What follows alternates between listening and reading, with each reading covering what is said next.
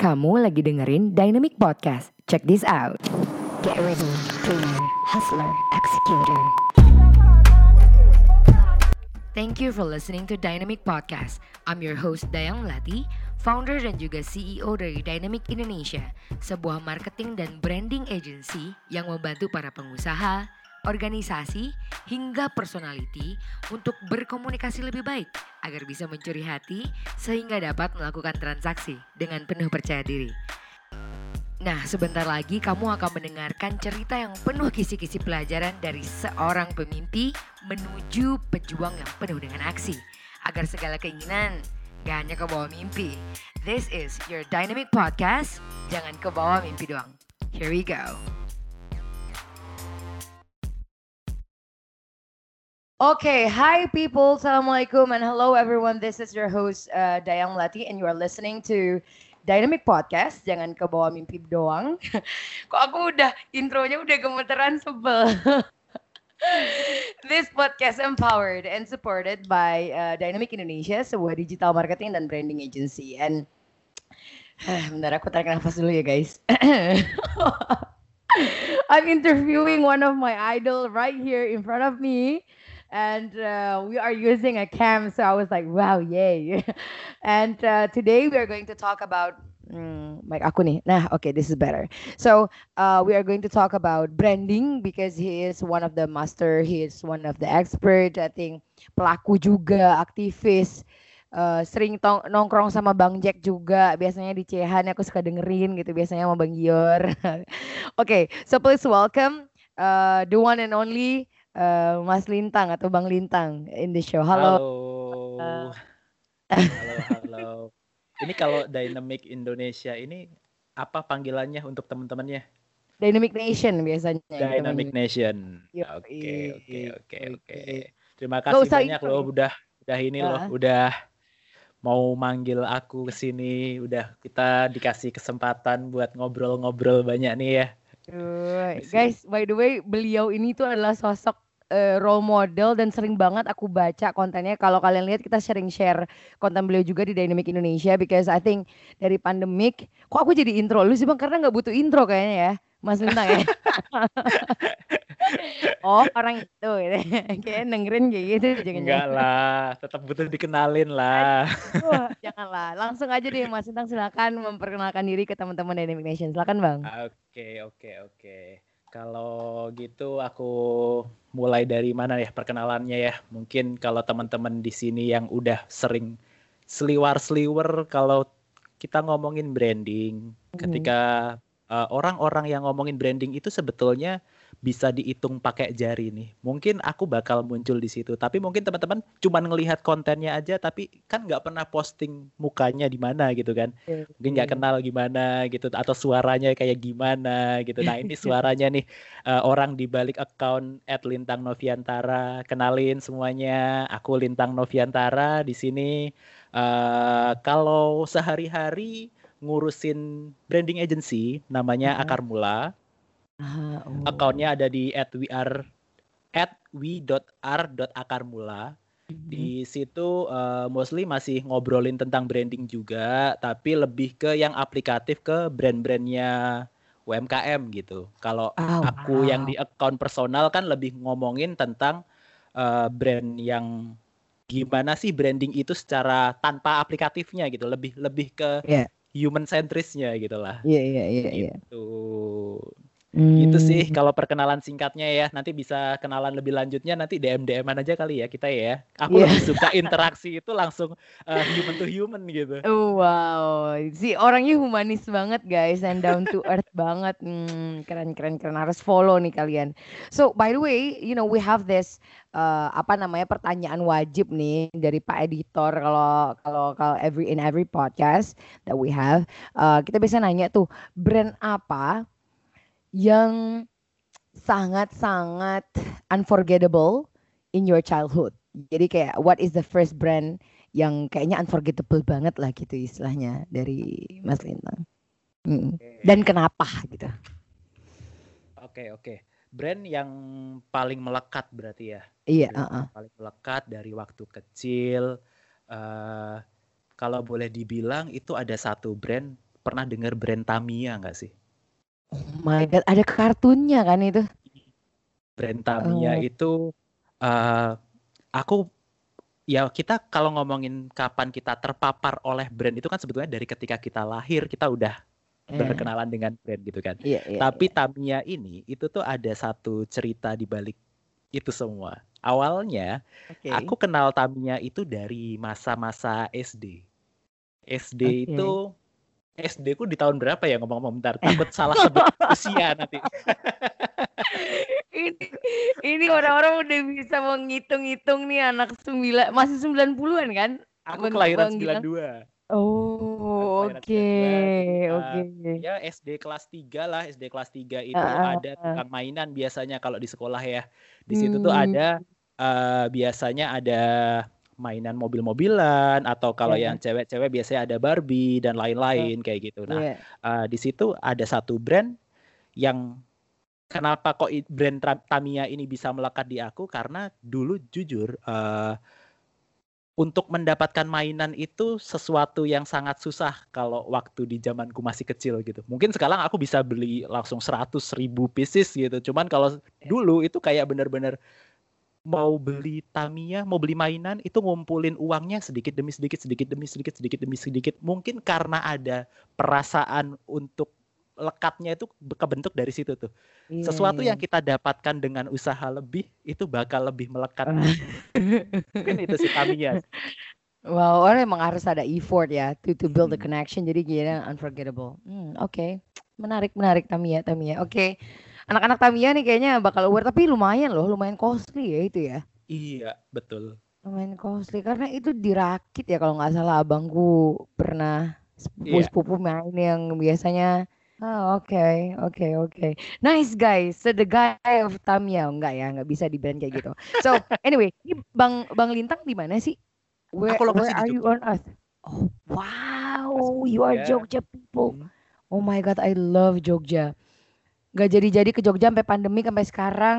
Tuh nggak sih lu gue suka lagu yang itu loh. Na na na na na na na na na na nah itu loh. Oh, ya, ya, ya, ya. Sesuatu di Jogja. Aduh, because I really wanna go to Jogja tapi ya ah, again susah. Tapi anak Jogja, original Jogja ya berarti ya. Original Jogja. Original Jogja. Anak ini nggak kuliah branding nggak? Apa I mean, you know anything about business nggak? Ah, ini mungkin lebih aku kalau cerita uh, tentang perkuliahan ya, tentang Iya, iya. perkuliahan ini agak agak unik nih. Kenapa dari mungkin kalau dengar aku kuliah jurusan apa agak bingung. Kenapa kok bisa nyambung ke branding sama bisnis? Nah, ini nih biasanya nih seru nih. Ini ini kita mulai masuk sedikit lebih dalam nih ya. Oke. Eh, aku kuliah jurusan psikologi. Jurusan Ah, psikologi di eh, ada kampus namanya UIN, Universitas Iya. Islam Negeri, Sunan Kalijaga kalau di Jogja. Mhm, mhm. Di situ ada satu fakultas namanya Fakultas Sosial Humaniora. Di situ Aha. ada beberapa jurusan, salah satunya ada psikologi sama ada komunikasi. Sama ada sosiologi gitu. Tapi aku ambil Iya. psikologi nih di sini. Aku psikologi, terus aku kan kuliah di situ. Aku jujur kuliah agak lama sih. Aku enam tahun Eh. baru lulus. Uh, donatur Lulus tetap ya baru. bun. Donatur tetap. Oke. situ, eh, Jadi karena tetanggaan sama jurusan komunikasi, jadi waktu dulu Uh-uh. masih pacar sih. Dulu masih pacar, sekarang ini udah jadi istri. Dulu istriku Udah. adalah orang komunikasi. Ah, ah. Aku orang psikologi. Karena masih Oke. pacaran, aku sering colongan tuh ke kelasnya dia. Oh, Colongan maksudnya ngikut gitu ya Ikut, misalnya. iya. Iya, Oke, oke, ikut oke. masuk ke kelasnya. Jadi kayak misalkan aku lagi ada oh mata kuliah kosong nih, udahlah masuk ke kelas komunikasi gitu. Iya. Sampai suatu hari ada dosen satu dosen komunikasi eh, untuk pemasaran ya. Itu Iya. itu ngiranya aku adalah anak komunikasi. Wow. Saking seringnya mak ikutan gitu ya. Iya. Di situ mulai muncul tuh ketertarikan-ketertarikan. Oh, ternyata dunia eh, pemasaran itu menyenangkan ya. Dunia pemasaran itu eh, banyak kreatif site yang bisa dieksplor di situ gitu. Itu Mhm, jadi satu ketertarikan sendiri. Makin sering, makin sering, makin sering. Udah Iya. tuh mulai muncul nih, muncul satu perasaan kayak apa aku kuliah psikologi itu salah jurusan apa ya gitu. Perasaan-perasaan gitu. Always dilema ya. Iya, betul. Sampai Aduh. ada satu titik gini. eh, kalau orang kuliah psikologi, biasanya itu bakal eh pekerjaannya kaitannya sama HR biasanya. Hmm, iya, HR. iya. Terus aku sempet tuh HR tiga tahun kerja sebagai eh, Sempet HRD ya? ya, tiga tahun. Pernah HR ya? Hmm. Terus Oke. eh, ternyata aku bukan orang kantoran, bukan orang kantoran yang Ah. bisa pakai harus pakai dasi, harus pakai Iya, kemeja gitu. Nggak betah tuh Wah. kayak gitu. Mungkin Oke, karena oke, sering kepapar komunikasi advertising Ya. tadi kali ya. Iya, iya, iya. iya. Terus akhirnya ini nih, eh akhirnya aku memutuskan untuk oke lah, aku kayaknya meninggalkan ke HR-anku, aku mau masuk Asik. ke dunia kreatif. Akhirnya Ah. waktu itu memulai freelance, memulai freelance, mulai kenal dunia-dunia tentang branding, Iya, mulai iya, iya. uh, kenal uh, waktu itu sosial media di tahun-tahunnya ya kita aktivasi sosial media makin gila-gilaan Iya, gitu. iya, iya. Jadi itu Tahun berapa mulai tuh Bang, freelance-nya? tahun freelance startnya di 2010, Ah, wow. Oke. 11 Oke, oke. Hmm, hmm, Wow, berarti jadi emang ini ya, ini blessing blessing ya ini ya. Bukan blessing in disguise sih sebenarnya udah blessing mencari blessing ya sebenarnya ya dari dari sang istri. Tapi istri jangan-jangan jadi HR nih jangan-jangan Bang. Enggak, enggak. enggak. Tukeran ketuker kok. switch gitu kan. Aduh. Alright, alright. Menarik. Jadi kan eh, kenapa aku nanya kayak gitu kan Bang? Biasanya mm, I don't know, people yang even 90s or uh, late 80s biasanya itu kan masih yang kayak apalagi umur-umur 20-an kayak kita gitu kan istilahnya yang kayak, "Hah, ini gue eh, sebenarnya bener nggak sih?" Yang kayak sometimes there are so many difficulties on finding expertise gitu kan. Eh, walaupun sekarang zaman-zaman sekarang udah banyak yang udah mem- mempak-pakan seharusnya lebih fokus ke mana dan ke mana gitu kan istilahnya. Nah, cuman eh, Bang Gilang kan emang udah aku aku udah tahu aku suka ke sini dan aku pengen mempelajari branding dan kita tahu pas nyemplung di dunia pasti komunikasi itu sangat luas sekali gitu kan yang kayak literally luas sekali. Bahkan aku masih ingat banget it was so hard to con- to to compare ya digital marketing itu apa internet marketing itu apa terus yang kayak online eh, you know there are so many people nih oh ya gue tuh kan anak-anak marketer. Bahkan marketer sama seller sales aja itu yang kayak dicari marketing gitu kan istilahnya terus yang kayak jobnya sales gitu kan eh gitu-gitu. Kalau menurut Bang Gilang nih untuk teman-teman Dynamic Nation yang sekarang lagi dengerin gitu kan and want to jump into digital digital industry gitu kan especially in creative digital industry eh, gimana sih mencari niche niche tersebut Bang Gilang? Eh Bang Lintang apa ya sih gue dari tadi? Bang Gilang Bang Gilang lu gue mau maaf ya guys. Jangan di unlike lo ya guys.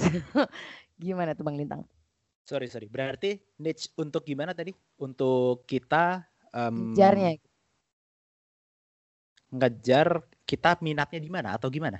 eh, eh, kita ngejar minatnya di mana atau pengen tahu nih eh gue pengen kalau dirimu kan sekarang udah pakem banget ya misalnya branding bahkan lu ngomong ya gue branding agency. Gue aja masih yang kayak digital marketing and branding agency. Lu kan pakem banget ya gue branding agency gitu kan istilahnya.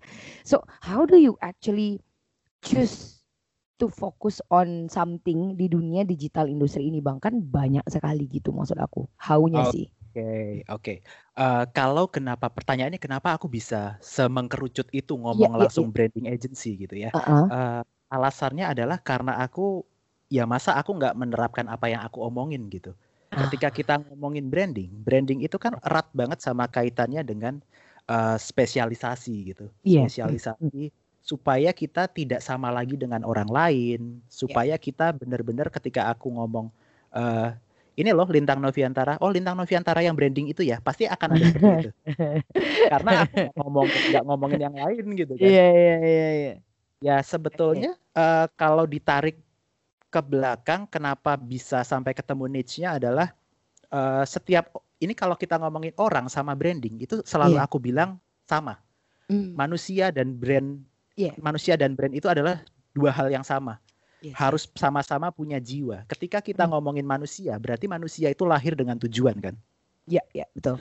manusia lahir dengan tujuan gitu juga dengan sebuah brand. Jangan sampai kita punya sebuah brand, kita punya Iya. bisnis, Uh-huh. mengembangkan brandnya Iya. itu tanpa tujuan selain uang gitu. Kalau tujuannya hanya uang lagi, uang lagi, uang lagi, aku Hmm. yakin em, orang itu nggak akan notice kita sebagai sesuatu yang penting. Yes, yes, ya, aduh mata duitan lah istilahnya gitu ya, Ya. dikit-dikit promo, dikit-dikit promo, udah bus promo, gitu. Ya, benar. Ya, Amazing. jadi em, eh, balik lagi ke purpose-nya. Kalau aku di akar mula, di akar mula di agensi aku itu Ya. bukan bukan tujuannya bukan cuman nge-branding. Kalau untuk jangka panjangnya si akar mula ini akan eh, ngebentuk satu lebih ke community kali ya, community untuk Yeah. menggandeng teman-teman freelance sebetulnya. Arahnya ke sana. Wow. Cuman oke, oke. Sebelum sampai ke purpose yang mulia, kita Asik. perlu bahan bakar dong. Nah, Iya itu kan? dia. Bahan bakarnya untuk saat ini kami masih menghandle perklienan, tapi suatu Iya, saat iya, mungkin iya. akan kami eh, Bagi-bagi lepas semua gitu. tuh gitu. Iya, iya, iya, iya. kayak gitu sih. Jadi eh, balik lagi ke purpose-nya kita. Kalau kita nggak punya purpose yang kuat, pasti eh, bakal sulit mau menentukan ke arah mana. Harus tahu dulu tuh. Oke, Purpose. itu kalau kita aku seandainya aku mulai nanya how to make a purpose itu udah bisa another kita udah bisa bikin another podcast ya bang ya nggak ngomongin branding lagi nanti Sampai kita. ya. pagi kayaknya kita Iya ngomong. sampai pagi udah, which is dijabanin juga sih kayaknya sama doi ini.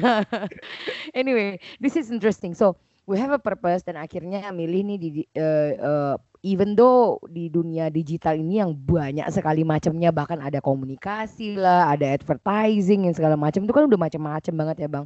Balik lagi ke purpose gitu kan kata bang Gilang. Nah sekarang nih I believe in expertise bang kayak expert experting something gitu kan istilahnya gitu karena that's I felt atau menurut aku yang Indonesia tuh kurang gitu loh kayak oh orang ini tuh oh ya wes one stop solution yang kayak eh oke. Emang lu kira itu segampang itu apa gitu yang kayak untuk to build something gitu istilahnya? Unless kayak Bang Gilang tadi bilang marketplace untuk freelancer. Ya kayak ini ada project bang ini ini kalian inilah gitu istilahnya kan kayak nanti Nine Design atau Fe- Fever atau segala macam so eh, dan dan aku respect banget sama Bang Gilang itu di- how do you really actually position yourself as a branding as branding uh, branding guy gitu kan dan you are actually developing your expertise gitu bisa sharing gak sih eh, Bang Gilang ke Dynamic Nation dan pastinya ke gue how to build those kind of uh, expert uh, pattern gitu atau menjadi seorang expert tuh ada how to-nya nggak sih bang atau patternnya atau step by stepnya nggak bang? Um, Oke, pattern untuk menjadi seorang expert ya berarti ya. Iya. Ah, uh-uh. Kalau Kalau in untuk your case kan branding ya. Mhm. ah, kalau kita ngomongin pakem-pakemnya harus ngapain, harus ngapain, harus ngapain, aku yakin di luar sana banyak orang udah ngomongin itu gitu. Oke oke. Mhm. Cuman kaitannya lebih ke kita nyaman nggak ngejalanin itu karena apalagi di era Mhm. sekarang nih kemarin orang-orang mulai pada bikin oke kita build personal branding, personal branding, personal Iya, branding gitu kan. Iya iya. Itu eh, banyak orang memalsukan sebuah cerita, Iya loh, bener. Memalsukan sebuah cerita yang barangkali sebetulnya mereka itu nggak nyaman melakukan itu. Ketika mereka bilang aku expert, sebetulnya yang bilang expert itu bukan kamu, harusnya Iya. orang lain gitu. Ketika Hmm. kamu udah membuktikan, yang akan bicara adalah orang lain. Di sinilah brandingmu kebentuk. Iya kan? Iya, Brand iya, iya. brand itu adalah image kita di otak orang lain kan. betul Kalau yang betul. kita omongin adalah marketing, promise-nya kita. Iya. Sementara ketika itu proven, berarti orang lain menangkap, eh, oh oke terbukti nih omongan di orang nih. Oke Mhm. berarti ini orang memang expert. Oke brandingnya kita adalah seorang expert yang direspon sama orang lain. Hmm, berarti emang butuh butuh waktu, butuh Butuh uh, butuh pembuktian yang kayak gitu-gitu ya. Uh, so along the way nih, along the way uh, Bang Lintang uh, building your brand gitu istilahnya. Apa sih ada unforgettable story nggak yang berasa ih gue nggak akan lupa banget nih waktu gue ap- apa gitu istilahnya dalam dalam building your brand itu ada nggak Bang Lintang? Oke, eh, waktu ngebangun brand Iya. biasanya em, kalau kita ngomong kan ada banyak katakanlah banyak agensi gitu ya. Iya iya Kayak ada Dynamic, ada Akar Mula nih. iya betul. Barangkali ada posisi orang yang menganggap ketika kita ada di kategori market yang sama, kita adalah kompetitor. Kompetitor ya. Padahal yang namanya ngebangun brand itu adalah harus berkolaborasi. Betul sekali, Bunda. Bahkan aku Yes. punya misi, aku punya misi sendiri nih ya, em, Oh. secara personal yang kadang sering ditentang sama teman-teman di kantor gitu. Oke. Aku pengen banyak kolaborasi sama kompetitor. Which is bakal kita ngomongin eh, kolaborasi sama agensi A, agensi B, agensi C, Iya, iya, agensi iya, D iya, kayak gitu. iya. Nah, Aha. Kenapa aku mau nerima dari, dari Dynamic nih? Padahal bisa aja aku bikin podcastku sendiri di akar mula, terus aku Iya, nggak iya, mau iya. datang ke sini, itu bisa-bisa aja. Iya, Tapi bisa, ini bisa. Uh, spirit untuk membangun sebuah brand itu berlandaskan kolaborasi. Wow. Jadi experience yang nggak bisa dilupakan adalah waktu pertama kali aku, kalau bisa dibilang kan, aku mulai ngonten tentang brand ya, ngonten tentang brand itu ya bareng sama teman-teman yang lain mungkin yang waktu kemarin awal pandemi Iya, iya, yang iya, iya. benar-benar kita dikasih waktu luang bebas terserah lu mau ngapain gitu. Iya kan? Iya, situ aku benar-benar. mulai mulai awal "Ah, oke lah eh, aku tahu aku bisa di bisa untuk menyampaikan pesan-pesan tentang brand, tentang branding, Hmm. tentang membangun eh, sebuah brand yang enak itu seperti apa. Ya Iya. udah aku munculkan di situ. Awalnya dari situ. Terus ada ada satu agensi lagi nih kita ngomong agensi lagi. Kalau pernah dengar garis temu? Iya dong. One of our Nah. guy juga loh maksudnya. Oke. We love to Nah. talk to them ya. si garis temu ini foundernya sekarang CEO-nya sih itu si Giorando Heeh, itu DM pribadi tuh DM personal heeh. Eh, bro kapan-kapan boleh ngobrol nggak gitu Oh, oh wow. oke kita kita ngobrol eh, zoom hari pertama zoom sama dia habis sekitar dua jam hampir tiga jam Wow. aku pengen kenal kenal sat- seseorang secara ya tadi ya human to human aku lebih Iya, suka ngobrol iya, iya. eh, muka ketemu muka gitu kan Iya, iya, Setelah ketemu iya. muka, ternyata aku kenal dia lebih dalam, lebih dalam, lebih dalam. Oh, ternyata ini orang yang awalnya aku kira galak. Dulu personal ngerasa aku kira ini orang galak gitu. Tapi ternyata orangnya Iya. baik. Sampai Iya. akhirnya dia ngajak satu kolaborasi. eh, jujur aku mau ngebangun personal brandku juga waktu dia bilang kayak gitu. Terus Iya. akhirnya aku, oke aku ikut deh bantu ngerjain personal brand kamu tanpa dibayar sedikit pun. Wow. Oke. tujuannya adalah eh, aku mau build connection karena Yes. ketika kita tadi kan kita ngomong kolaborasi di dalam sebuah brand itu penting banget ya itu Iya, landasannya betul. hidup itu dari kolaborasi nah aku anggap itu Hmm. sebagai kolaborasi Iya. akhirnya aku ngebantu di garis temu eh sorry bukan ngebantu di garis temunya lebih ke ngebantu ke giornya sih Iya, iya, iya. Giornya akhirnya oke kami sampai sekarang masih connect jadi bahkan Iya. sampai eh, oke nanti kalau misal kita lempar-lemparan klien boleh ya boleh boleh boleh gitu Wow, jadi itu emang eh, berasaskan kolaborasi ya Bang ya. I mean, itu yang unforgettable banget. Eh, tapi emang banyak banget sih orang-orang sekarang yang menyarankan dari brand itu human dan komunitas dan segala macam ya Bang ya. Tapi aku penasaran nih, dulu udah mulai dari 2010. So it means like almost like 11 years, ya nggak sih? 11 tahunan berkecimpung di sini. hampir 11 Em, tahun kali ya. Iya iya.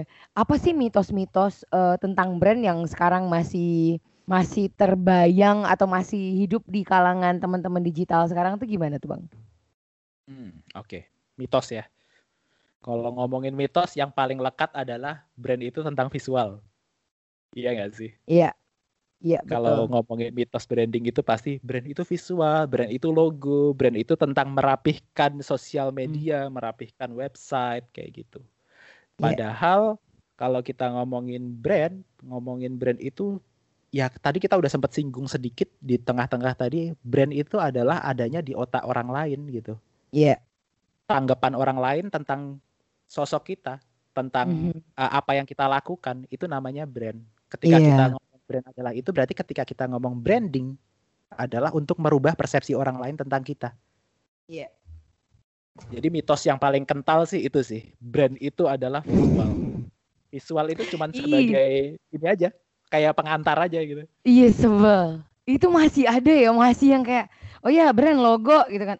Oke, eh yang kayak terus lu masih bisa ini gak sih eh masih ini gak sih Bang? Lu masih ngedapetin ini gak eh, komen karena dirimu UMKM gue jos banget loh dirimu berani banget loh dirimu nih Pak Presiden Jokowi have to give you something, you know. I mean like it's so hard. I mean talking about eh, sampai aku tuh ngambil mindset kayak Pak Denny Santoso Bang, eh, Bang Lintang. I don't want to call them UMKM. Karena itu tuh kayak ada mindset barrier, ih aku tuh masih UMKM, aku tuh nggak kuat untuk isi gitu. Gue nggak sih lo yang kayak gue takut to do something gitu. Akhirnya we call them brand lokal biasanya kalau di Dynamic gitu. We still of course we are all the way brand lokal gitu kan istilahnya. Eh, gimana? How do you overcome? Ini kita sebelum ngomongin business to business ya which is more sexier than this guys. Stay tune. Gue yakin banyak banget nih Dynamic Nation yang bisnisnya yang bisnisnya tuh apa model bisnisnya B2B gitu kan. Eh yang masih ngerasa aduh ini emang segini banget ya biaya branding gitu. Kan cuman gitu-gitu doang. Kan cuman bikin tagline doang. Kan cuman ini doang. Doang doang pas udah denger gitu tuh yang kayak "Hmm, pengen nangis juga kayak gimana? Pengen ngejelasin tuh kadang-kadang kan ada sisi fed up ya bang ya. Kayak duh kok gitu banget sih gitu loh istilahnya. Kalau dari bang Lintang yang udah 11 tahun nih guys Dynamic baru baru on the way ketiga nih. Gimana bang? Tolong ajarkan kita gimana tuh bang nge-facing that. Oke, oke. Berarti aku akan pakai termsnya eh, dari Dynamic. Kita ngomong Heeh. brand lokal gitu. yes asik. Thank you bang Gila bang Lintang. Ngapain sih gue Kalau- bang Gilang bang Gilang Tarik dari tarik napas dulu. Stardom oke bang Oke. Lintang siap bang Lintang Kita kalau ngomongin brand lokal, brand lokal itu biasanya orang-orang akan menganggap bahwa budgetnya agak berat untuk di-spending ke kanan ke kiri gitu. Iya kan? Mm-mm. Dia akan ngegulungnya untuk budget yang penting bisnis bisa gerak terus. Iya. Mm-mm. Ketika ada di fase itu, aku tidak akan pernah merekomendasikan branding yang gimana-gimana. Branding branding itu bukan obat untuk bisnis yang berantakan. Ini mau gue jadiin konten ya. Branding, itu Branding bukan itu- buat bisnis yang berantakan. Betul, betul. Karena Yes. kebanyakan kebanyakan orang menganggap aku branding maka bisnisku laku. Ah, nggak ada tuh Iya. kayak gitu tuh. Branding itu sebagai booster ketika bisnismu sudah baik. Jadi ketika kamu masih bernafas aja susah, mau makan besok pagi susah, mau ngegaji karyawan susah, nggak usah deh mikirin branding gimana-gimana gitu. Hmm. Karena idealnya branding itu kalau aku ngebahasain ke teman-teman gini, kita branding nggak branding, pada akhirnya akan ke branding sendiri. Ngerti nggak maksudnya? Jadi branding nggak branding, kita akan ke branding karena branding itu ketika kita tidak melakukan secara sadar, itu pun Yes. juga orang tetap punya tanggapan tentang kita. Berarti base yang harus kita lakukan ketika ngomongin branding adalah bertindaklah sebagai orang yang baik. Jangan ngecewain customer. Kalau ada komplain ditangani, kalau ada misalkan dia punya toko gitu punya harus ada customer datang ruangannya panas ya pasang AC. Kayak gitu tuh branding tuh. Oke. Karena untuk membuat customer menjadi lebih eh, experience-nya lebih lengkap di situ, lebih kaya, lebih menyenangkan. Jadi kalau untuk orang-orang yang masih menganggap branding itu mahal, bukan branding yang mahal, tapi maunya kamu yang ini itu yang mahal. Gitu sih. Maunya ini kamu dan itunya ya mahal ya sebenarnya ya. Hmm, oke oke oke, thank you, thank you, thank you Bang Gila. Tapi tuh bener pas branding itu bukan obat buat bisnis yang berantakan itu tuh kayak Oke, siap. Guys, Dynamic Nation, listen to this. Oke. Uh, next question, the question that you've been waiting for tentang business to business. Uh, oke. Nih sebenarnya kalau part satu tadi dipanjangin Bang, ini aja udah 27 menit nih agak panjang ya Pak Editor. Mohon maaf nih ya nanti ya. um, Alright, so uh, sekarang kita talking to business to business bang, karena kalau seandainya B2C, I think there are a lot gitu kan istilahnya di luar sana gitu. Istilahnya kalau mereka pengen nyari detail-detailnya dan kita ngelihat pas kenapa kita pengen banget nih ngobrolin ini ke uh, Bang Lintang, karena emang yang kayak um, there are uh, sometimes people say enggak lah business to business mah kalau dari entity ke entity itu mah harus koneksi, diajak makan, dikasih tiket, makan usually kalau big transaction sampai kayak gitu kan Bang Lintang ya. But how do you start branding untuk uh, business to business style gitu? Oke. Business to business, kita ngomongin perbeda, mungkin bukan ini ya, bukan perbedaan secara termsnya, tapi lebih ke eh, ini perlakuannya seperti apa gitu Ya ya. betul betul makanya Kalau style ya. eh, untuk business to business itu sosok human kehadirannya itu matters banget. Percuma Hmm. kita mau bikin apa pun secantik misalkan kita punya em, gedung yang bagus, yang megah, yang eh, Iya. colornya itu benar-benar pop gitu, yang itu tuh eh, dianggapnya wah ini pasti bi- bisnisnya ngabisin uang jutaan, miliaran gitu. Tapi Wow. nggak ada sosok yang bisa dipercaya di dalamnya, itu akan kebuang sia-sia gitu. Nah, padahal sosok yang bisa dipercaya di dalamnya ini, yang uh, di baliknya bisnis kita, itu nggak mungkin kita ada di situ terus. Itu adalah. PR-nya tuh. Gimana cara Betul, kita mendeliver otaknya si pem- si apa ya orang yang di Owner. jiwanya, ownernya Heeh, gitu ya, heeh, untuk ke timnya gitu kan. Iya, iya, Berarti iya. Oh. yang dimulai adalah mulai mentransfer purpose, vision, mission sama value dari si brand itu sendiri. Brand ini biasanya representasi dari si ownernya. Iya kan? Punya value Iya. yang sedikit banyak mirip. Itu dia kenapa tadi aku di awal kita ngobrolin, aku punya purpose ini nih. Nah, itu yang Iya. berusaha aku deliver ke teman-temanku. Ketika aku nggak ada di kantor, berarti Iya. ada orang lain yang bisa mewakili aku. Ketika aku nggak bisa mengaktifasi sosial media, berarti ada orang yang bisa dibalik itu ngadmin dan Iya, pakai persona yang udah kita ciptakan bersama. Wow, wow, keren. Ini aku eh, uh, something yang aku uh, yang aku ambil dari obrolan singkat tentang B2B itu ternyata it start again from the inside ya Bang ya. Yang kayak Iya. value, purpose dari brand owner yang bisa ditransformasikan ke yang lain sehingga ada nggak ada pun deal-dealan B2B itu mereka tetap bisa jalan gitu ya. Bang Betul. ya. Wow. So, Pernah dengar ini nggak sih? Sorry. apa? Uh, pernah So- dengar employee branding? Hmm, belum Bang. Wah, employee branding itu adalah ketika ketika si pegawai kita Heeh. itu nggak ada kita sekalipun di situ, dia akan bertindak dengan membawa jiwa si brand. Brand itu melekat di dia juga gitu. Dia cukup bangga dengan menceritakan, ini loh aku kerja di sini loh, ini loh aku kayak gini loh, ini loh aku kayak gitu loh. Itu kan berarti harus ada keselarasan purpose tuh. Iya, iya, iya, iya. Wow. Employee branding. Da, benar-benar berarti kalau bisa dibilang sebenarnya if you are talking about the business dari dalam keluarnya itu benar-benar mempunyai value yang clear dan terpancar di setiap action, di setiap nggak cuma dari sosial medianya aja gitu ya Bang ya. Emang ya in every action gitu istilahnya. Oh oke, this is interesting. Nah, kebanyakan nih Dynamic Nation yang yang dengerin CEOs, brand owners atau segala macam. Oke, ya lu mah gampang ngomongin ya create value. Nah, gimana eh, punya value, punya purpose dan segala macam. There are so many confusions gitu istilahnya to compare bahkan visi misi aja sometimes people masih ada yang salah gitu kan istilahnya. Um, straightforward question ke Bang Lintang, how do you create value Bang? Dan gimana Abang mengkomunikasikannya ke internal gitu istilahnya? Oke. Em, kalau ngomongin value, value itu berarti adalah yang akan diamini semua anggota tim. Jujur, tim di akar mula itu kami berusaha untuk selangsing mungkin. Kami sengaja nggak mau eh, menampung banyak orang di dalam satu organisasi gitu. Iya. Karena iya, ketika orangnya banyak banget dan kami belum mampu untuk mendeliver si value ini, itu akan jadi pekerjaan yang sangat merumitkan di akhir nanti.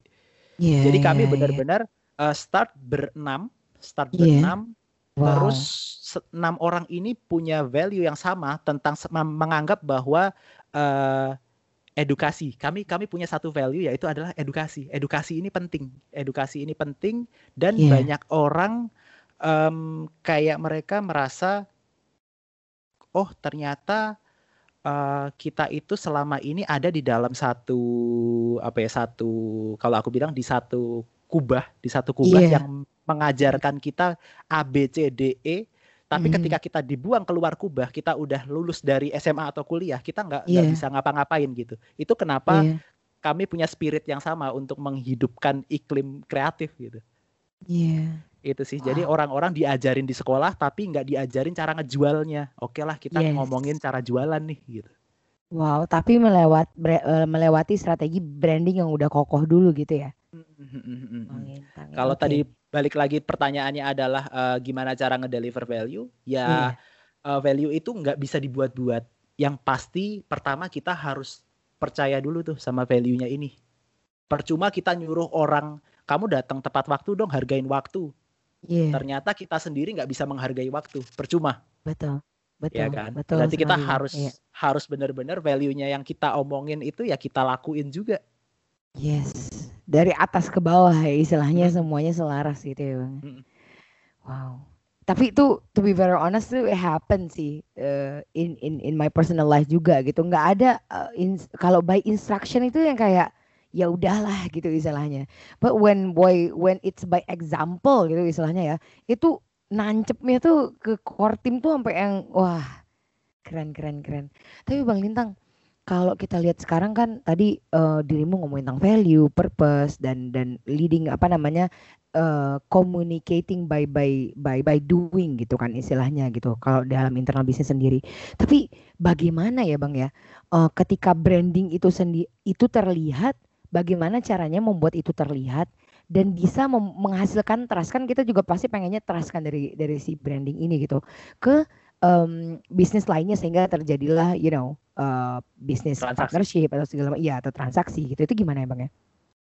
Oke. Berarti ini kita akan ngomongin uh, bagaimana B2B ini ngebangun trust-nya ya. iya betul bang. Nah ini nih. Ini menarik nih kan orang mikirnya oke bikin konten oke bikin ini gitu kan ya. oke email marketing oke SEO oke endorse Eh, oke endorse nih gimana caranya gimana tuh bang Oke. Kalau Eh. kita ngomongin B2C mungkin endorse masuk ya. masih masuk Heeh. Tapi kalau kita ngomongin B2B, B2B itu yang pokoknya antara B2B sama B2C itu sebetulnya perlakuan untuk ngebangun brand di awal sama. Tapi ada satu titik yang itu akan menjadi kayak persimpangan jalan yang satu bakal ke kanan, yang satu bakal ke kiri, yaitu Oke. memahami touch point. touch point oke ketika kita nggak bisa tahu touch point mana yang bakal kita bangun kan touch point ini adalah mungkin kalau untuk Dynamic Nation yang belum tahu touch point, touch point itu adalah gimana brand kita bisa bersentuhan langsung memberikan experience untuk para user kita, para audience kita, para customer kita. Mm-mm. Jadi uh, kalau kita ngomongin B2C, B2C bisa dari ads, bisa dari endorsement dan kalau kita ke toko ada packaging di mana-mana. Terus kalau B2B Mhm. gimana nih gitu kan? Mhm. B2B adalah berarti kita punya platform-platform, kita ngomong touch point-nya katakanlah ada di sosial media. Iya. Sosial media ini ada banyak ya, ada banyak ada TikTok, ada Instagram, ada uh, apa pun itu. Itu Mhm. anggaplah sebagai satu touch point untuk kita ngedeliver value, ngedeliver uh, message-nya brand kita Iya. lewat itu, lewat touch point itu. Selanjutnya kita touch point-nya udah kita tentuin. Aku mau nih di Instagram, aku mau posting ini ini ini ini ini. Terus Iya, iya. diarahinnya ke mana? Nah dari touch point ini kita masih ngomongin namanya customer journey. Yes, yes. Dari touch point A kita akan dipindahkan ke misalkan website. Di Iya. website kita semakin diperkenalkan, oh ternyata si bisnis ini, si brand ini seperti ini, seperti ini, layanannya ini, ini, ini, ini. mm, mm, mm. Terus bisa kita masukin lagi di situ untuk ngedeliver experience yang lebih kaya adalah kan biasanya kalau bisnis to bisnis itu eh, value transaksinya besar ya. Nggak mungkin kita bakal bayar di awal untuk mendapatkan service. Biasanya aku Iya. ketika Mhm. ngomongin bisnis to bisnis, aku akan memberikan trial. Oh, oke. Ada Business to trialnya ya, Bang ya? Betul. Trial Yes, yes. ini kalau di Nah, ini aku aku kasih tips ke Dynamic Nation yang lain Asik. mungkin yang sama-sama punya agency atau sama-sama Mm-mm. punya uh, apa pun itu kreatif. B2B House ya atau jasa ya. B2B. Oke. Mm, Ah, mm, ah. mm. Jadi kalian bisa build persona di sosial media, Iya.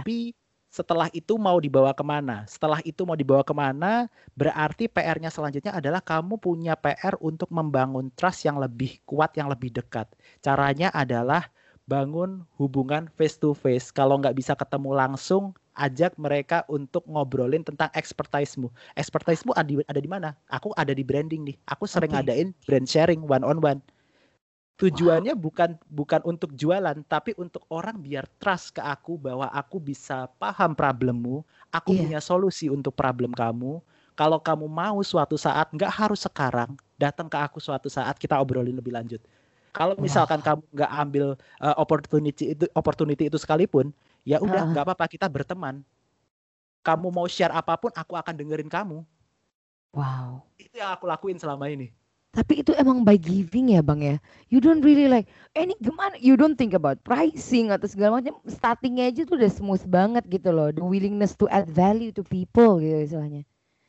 Guys, wow, gimana nggak ngefans gue coba sama orang ini nih. terus terus bang apa lagi bang? Ya pokoknya selama apa pun yang kamu lakukan berarti kamu akan memunculkan perasaan ada manusia di balik itu semua. Jadi kalau bikin konten ya jangan bikin konten yang ambil dari internet cuman di copy paste gitu. Tapi Iya. munculkan persona brand kamu di situ. Persona ini matters banget karena kalau Iya. misalkan kita nggak ada persona itu lagi-lagi kita ngomong sama admin yang nggak punya jiwa Ouch. kayak gitu. Yes. Admin Nah, ah. jiwa tragis ini. Oke bang. ini nih kalau untuk ngomongin tadi kan kita sepakat ya B2C Ah. sama B2B itu persimpangannya ada di tengah jalan. Ketika ngebangun di awal tetap sama. Yang perlu Iya. diperhatikan ada tujuh nih. Boleh Wow, dicatat Bang. nih nanti nih. Siap bang. Yang pertama adalah kita ngecari purpose-nya, kenapa kita Purpose. bisa ngebangun brand ini, kenapa kita mau ngetumbuhin brand ini. Yang Iya. kedua kita harus punya visionnya 10 tahun ke depan misalkan kita mau ngapain atau lima tahun lah paling cepet Iya, Terus iya. missionnya supaya si 10 tahun atau lima tahun ini mudah tercapai itu kita bakal ngelakuin apa aja. Terus kita ngomongin value yang dianut sama tim kita supaya tercermin di semua tindakan kita. Habis itu yang tiga lainnya ini akan masuk ke dalam ngurusin namanya brand positioning. Yang pertama kita harus tahu audiensnya siapa, yang kedua kita tahu kompetitornya siapa, yang ketiga bisa membedakan antara apa yang kita deliver dengan yang dideliver sama kompetitor. Ada tujuh tuh kuncinya. Oke, Untuk jadi dari audiens, brand. Tadi yang kelima ada audiens eh, dan kedua itu adalah apa pembeda gitu ya bang ya. Ah, jadi kalau eh, kan tujuh nih, tujuh itu yang Ah. pertama adalah purpose, vision, mission, value, audience, kompetitor, difference. Audiens. Audiens bahkan termasuk untuk membuat market ini sebenarnya eh, apa services kita ini relevan atau enggak lah seenggaknya gitu ya bang ya. Oke oke oke, ini sih sangat menarik. Aku eh, pengen touch point di bagian yang ini nih bang, yang bagian audience. Em, karena jujur this is like mau apa pun gurunya, I I saw that you are posting about Seth Godin kan. Actually beliau juga buyut aku dari kuliah. I I love him so much. I mean like dari Michael Porter aku lebih pilih Seth Godin gitu istilahnya. He is so real gitu istilahnya.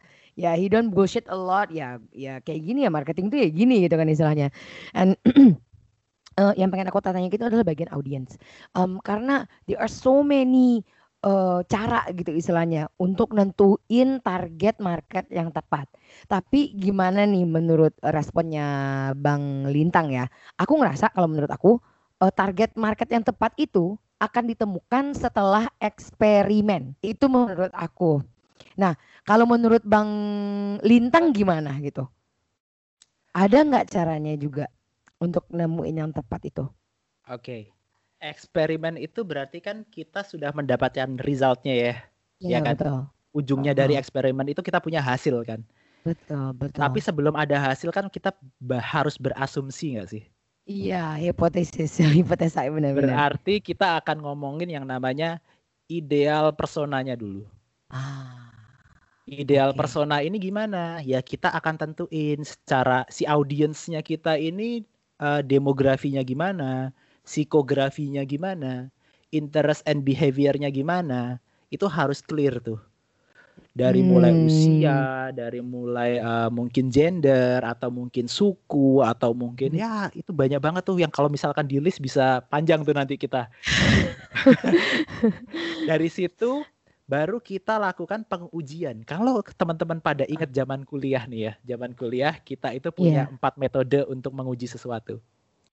iya, Yang pertama adalah kualitatif. Kualitatif udah pasti interview dong ya. iya, Setelah kita betul. punya asumsi, berarti kita akan mengundang orang-orang ini untuk melihat, oke dinamika yang aku asumsikan ini beneran ada nggak sih gitu. Iya, iya, iya. Nah ini udah masuk ke riset tuh berarti kan udah dari Iya, iya. eksperimen gitu. Terus Mm, ada mm, juga mm, yang mm. kuantitatif. Kuantitatif berarti by angket, Iya, ya kan, Iya. by skala gitu. mm, mm. Terus yang ketiga adalah by uh, observasi. Kita bisa observasi Mm, kompetitor mm, mm. kita untuk mencari Yes. tahu uh, audiensnya kompetitor kita tuh bagian mana yang masih bisa kita tambal. Yoi. Yang keempat adalah focus group discussion. Fo- Focus group discussion ini berarti kita akan mengumpulkan orang-orang yang kita asumsikan punya dinamika yang sama, akhirnya kita akan Iya. membongkar dinamika yang lebih kaya lagi. Baru dari situ akan ketemu, oh ternyata audiensku itu adalah ini, ini, ini, ini karakter mereka ini, ini, ini, ini, ini. Karena kaitannya sama ini Dayang. Eh, Iya. Kalau kita ngomongin audience, kalau di brand itu ada yang namanya brand archetype. Yes. Mm-mm. Brand Udah sampai ke archetype bang, brand archetype kita ya. Oke. Betul, itu ini karena kita lagi ngomongin audience nih sekalian aja deh. brand Iya. archetype ini adalah bekalnya kita untuk menciptakan personality brand kita.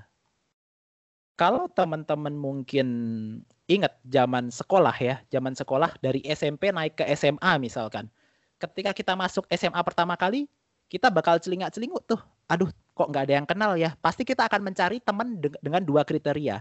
Teman dari kita waktu SMP atau orang yang menurut kita punya persona yang cocok dengan kita. Itu dia fungsinya. Kenapa kita harus tahu audiensnya kita siapa, biar kita bisa dandanin brand kita biar lebih relevan ke audiens kita. Hmm, mm, mm, mm, mm. Oke. Itu sih kalau Biar ngomongin audiens. Eh, tapi aku pengen touch ah, touch point di brand archetype mu- eh, archetype ya tadi teman-teman eh, ini. Mungkin Dynamic Nation kurang ini. Em, definisi dari brand archetype correct me if I'm wrong ya bang ya. Itu bukan anak-anak dari brand itu sendiri ya bang ya. Saya kayak eh ya anak-anak dari brand gitu nggak sih bang? Satu brand and they have a lot of brands around it. Eh, archetype itu adalah Hmm. eh, manusia punya sifat dasar ya. Mm-mm. Manusia punya sifat dasar. Ada yang suka berpetualang, ada yang mungkin arogan, ada yang mungkin suka ngelawak. iya kan? Aha. Itu kaitannya sama personality, personality seseorang. Ah, itu arsitek ya ini archetype oke siap Iya. aduh bunda Jadi Telinganya dari Jogja sampai Pontianak susah. Kelelep Jadi di ar- brand archetype itu em, kalau kita contoh-contoh anunya ya konkretnya ya itu ada misalkan kita ngomongin brand Jeep mobil Jeep tahu ya Iya. mobil Jeep itu brandnya adalah eh, petualang banget apa yang Ah. dia munculkan selalu yang mendekati untuk orang-orang yang punya jiwa petualang itu yang aku maksud kita harus tahu audiens kita butuh apa Mhm. kita sediakan apa. Ketika Hmm. kita ketika si Jeep ini warnanya pink, mungkin si orang yang mau explore ini takut malah atau wah, aku mau explore ke alam pakai warna pink dikejar macan nih aku nanti gitu. Oke oke oke. Oh. Itu yang maksudnya oke. brand archetype. Jadi personality dari brandnya. Oke, awesome. That's uh, around the branding. Boleh aku tambah satu question lagi nggak Bang? Ini walaupun udah 46 menit, ntar ya Pak Editor ya. Tadi yang menarik banget pas uh, waktu uh, Bang Lintang ngomongin masalah uh, ini setelah kompetitor apa tadi Bang? Pembeda antara Ya. kita dengan kompetitor. Nah, Difference. itu.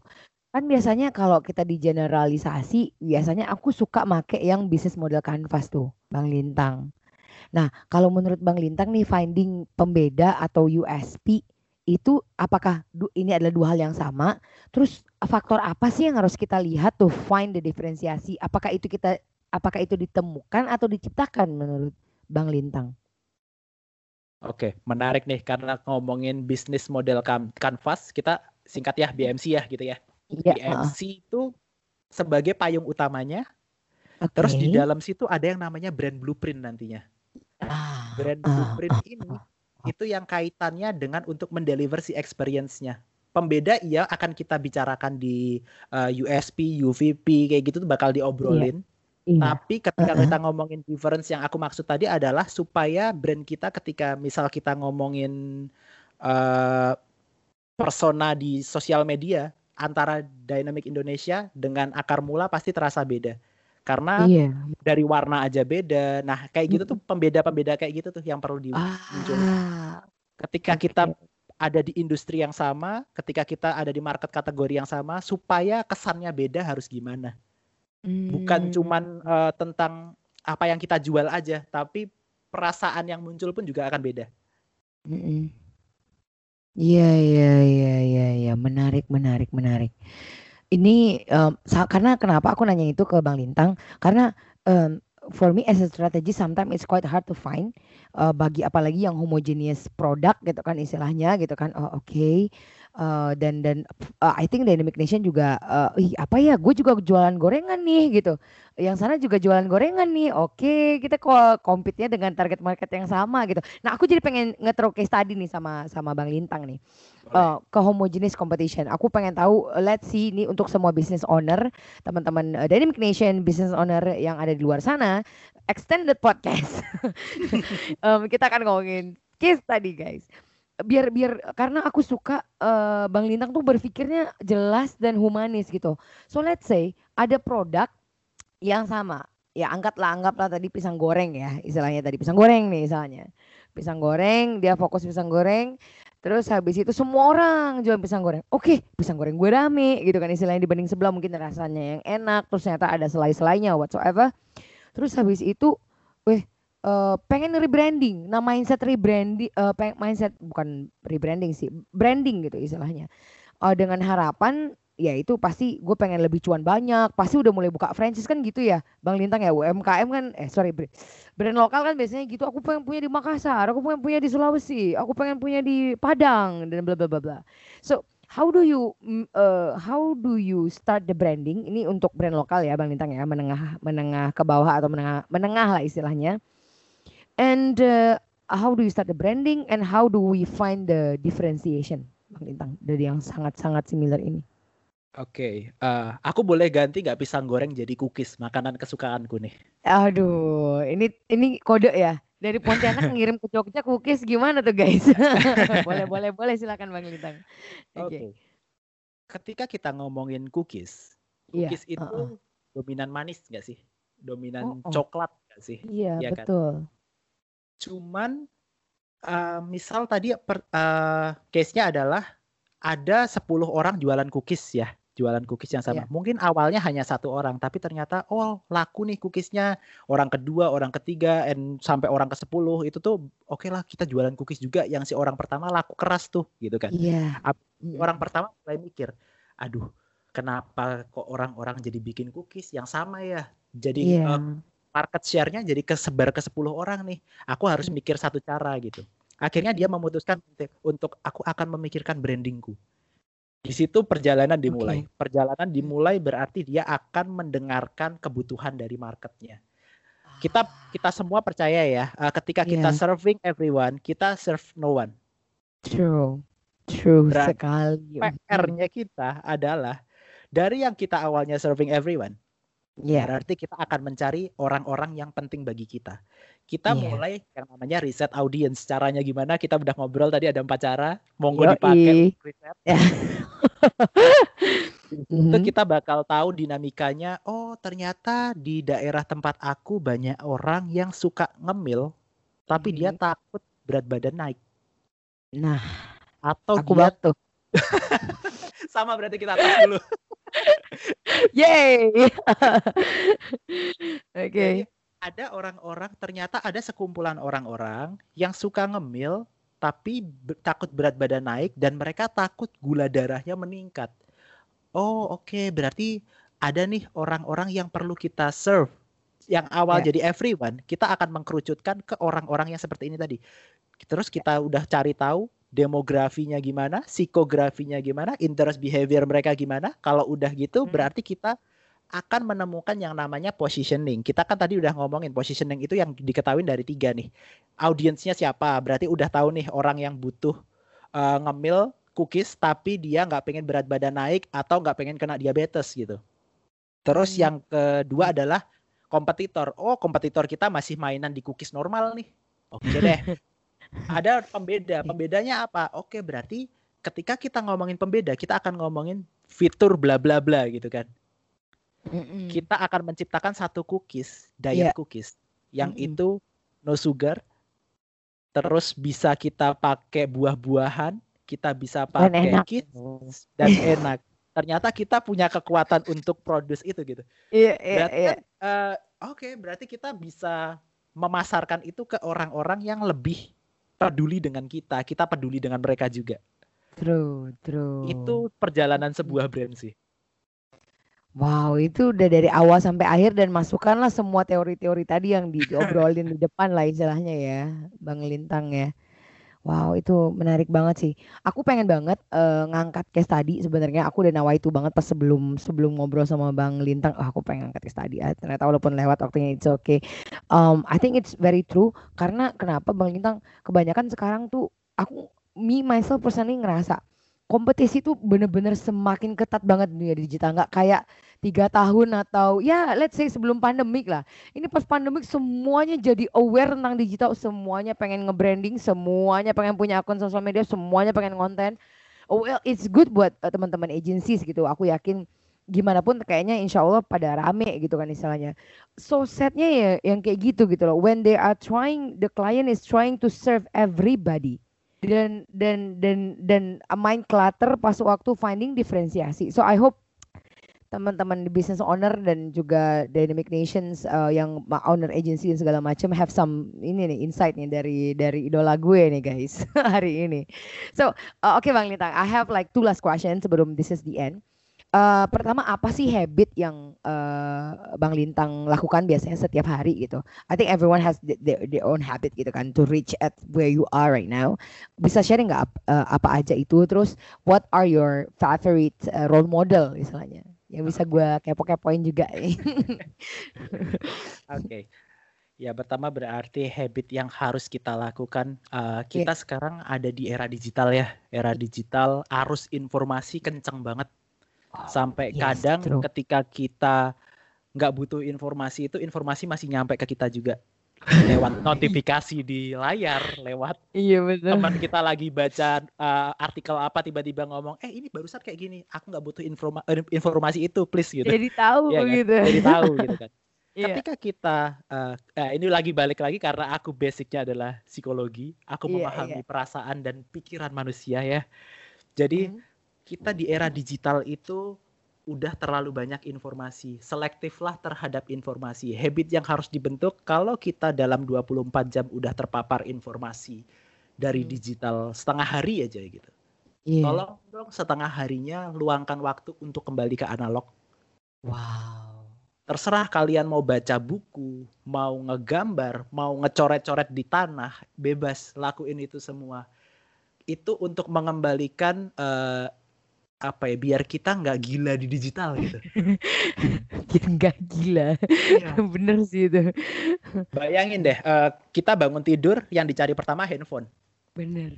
Aku bangun tidur sampai jam 8 pagi aku nggak akan pernah megang handphone. Aku akan jalan pagi aku akan workout. Wow. untuk ngilangin habit menggunakan digital. Wow. Baru jam 8 pagi aku buka email. Setelah itu baru kerjaan kerjaan kerjaan kerjaan.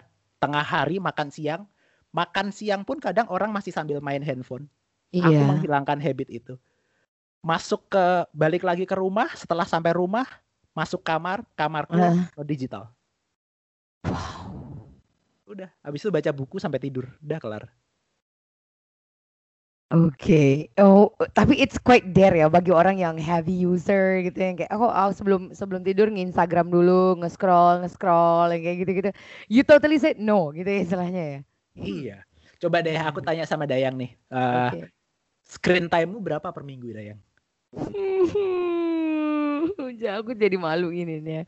Actually my on my Instagram I think it's like seven hours. Seven hours. Oke. Okay. Iya, per day ya, ya itu ya. Berarti Wow. Aku seven hour kali tujuh berarti 49 jam ya.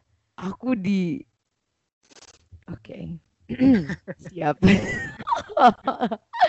Perlu di reduce nih sedikit-sedikit nih. Oke, okay. so habit of like reducing consuming digital biar tetap sane gitu ya Bang ya, biar tetap lebih makanya mungkin uh, Bang Lintang lebih lebih human karena itu kali ya. Bisa karena masih masih manusiawi gitu guys. Anyway, this is a good habit to try guys. So uh, who are the idols atau lagi lagi kepo-kepoin siapa nih Bang Lintang ya mungkin bisa di-share ke Dynamic Nation lu pada uh, bisa dong lihat-lihat uh, apa tuh namanya orang orang-orang ini buat belajar branding gitu silakan Bang Lintang. Idol aku kalau dari segi pendidikan yang kaitannya sama kreatif ada yeah. Chris Do, Chris Do oh. dari The Future.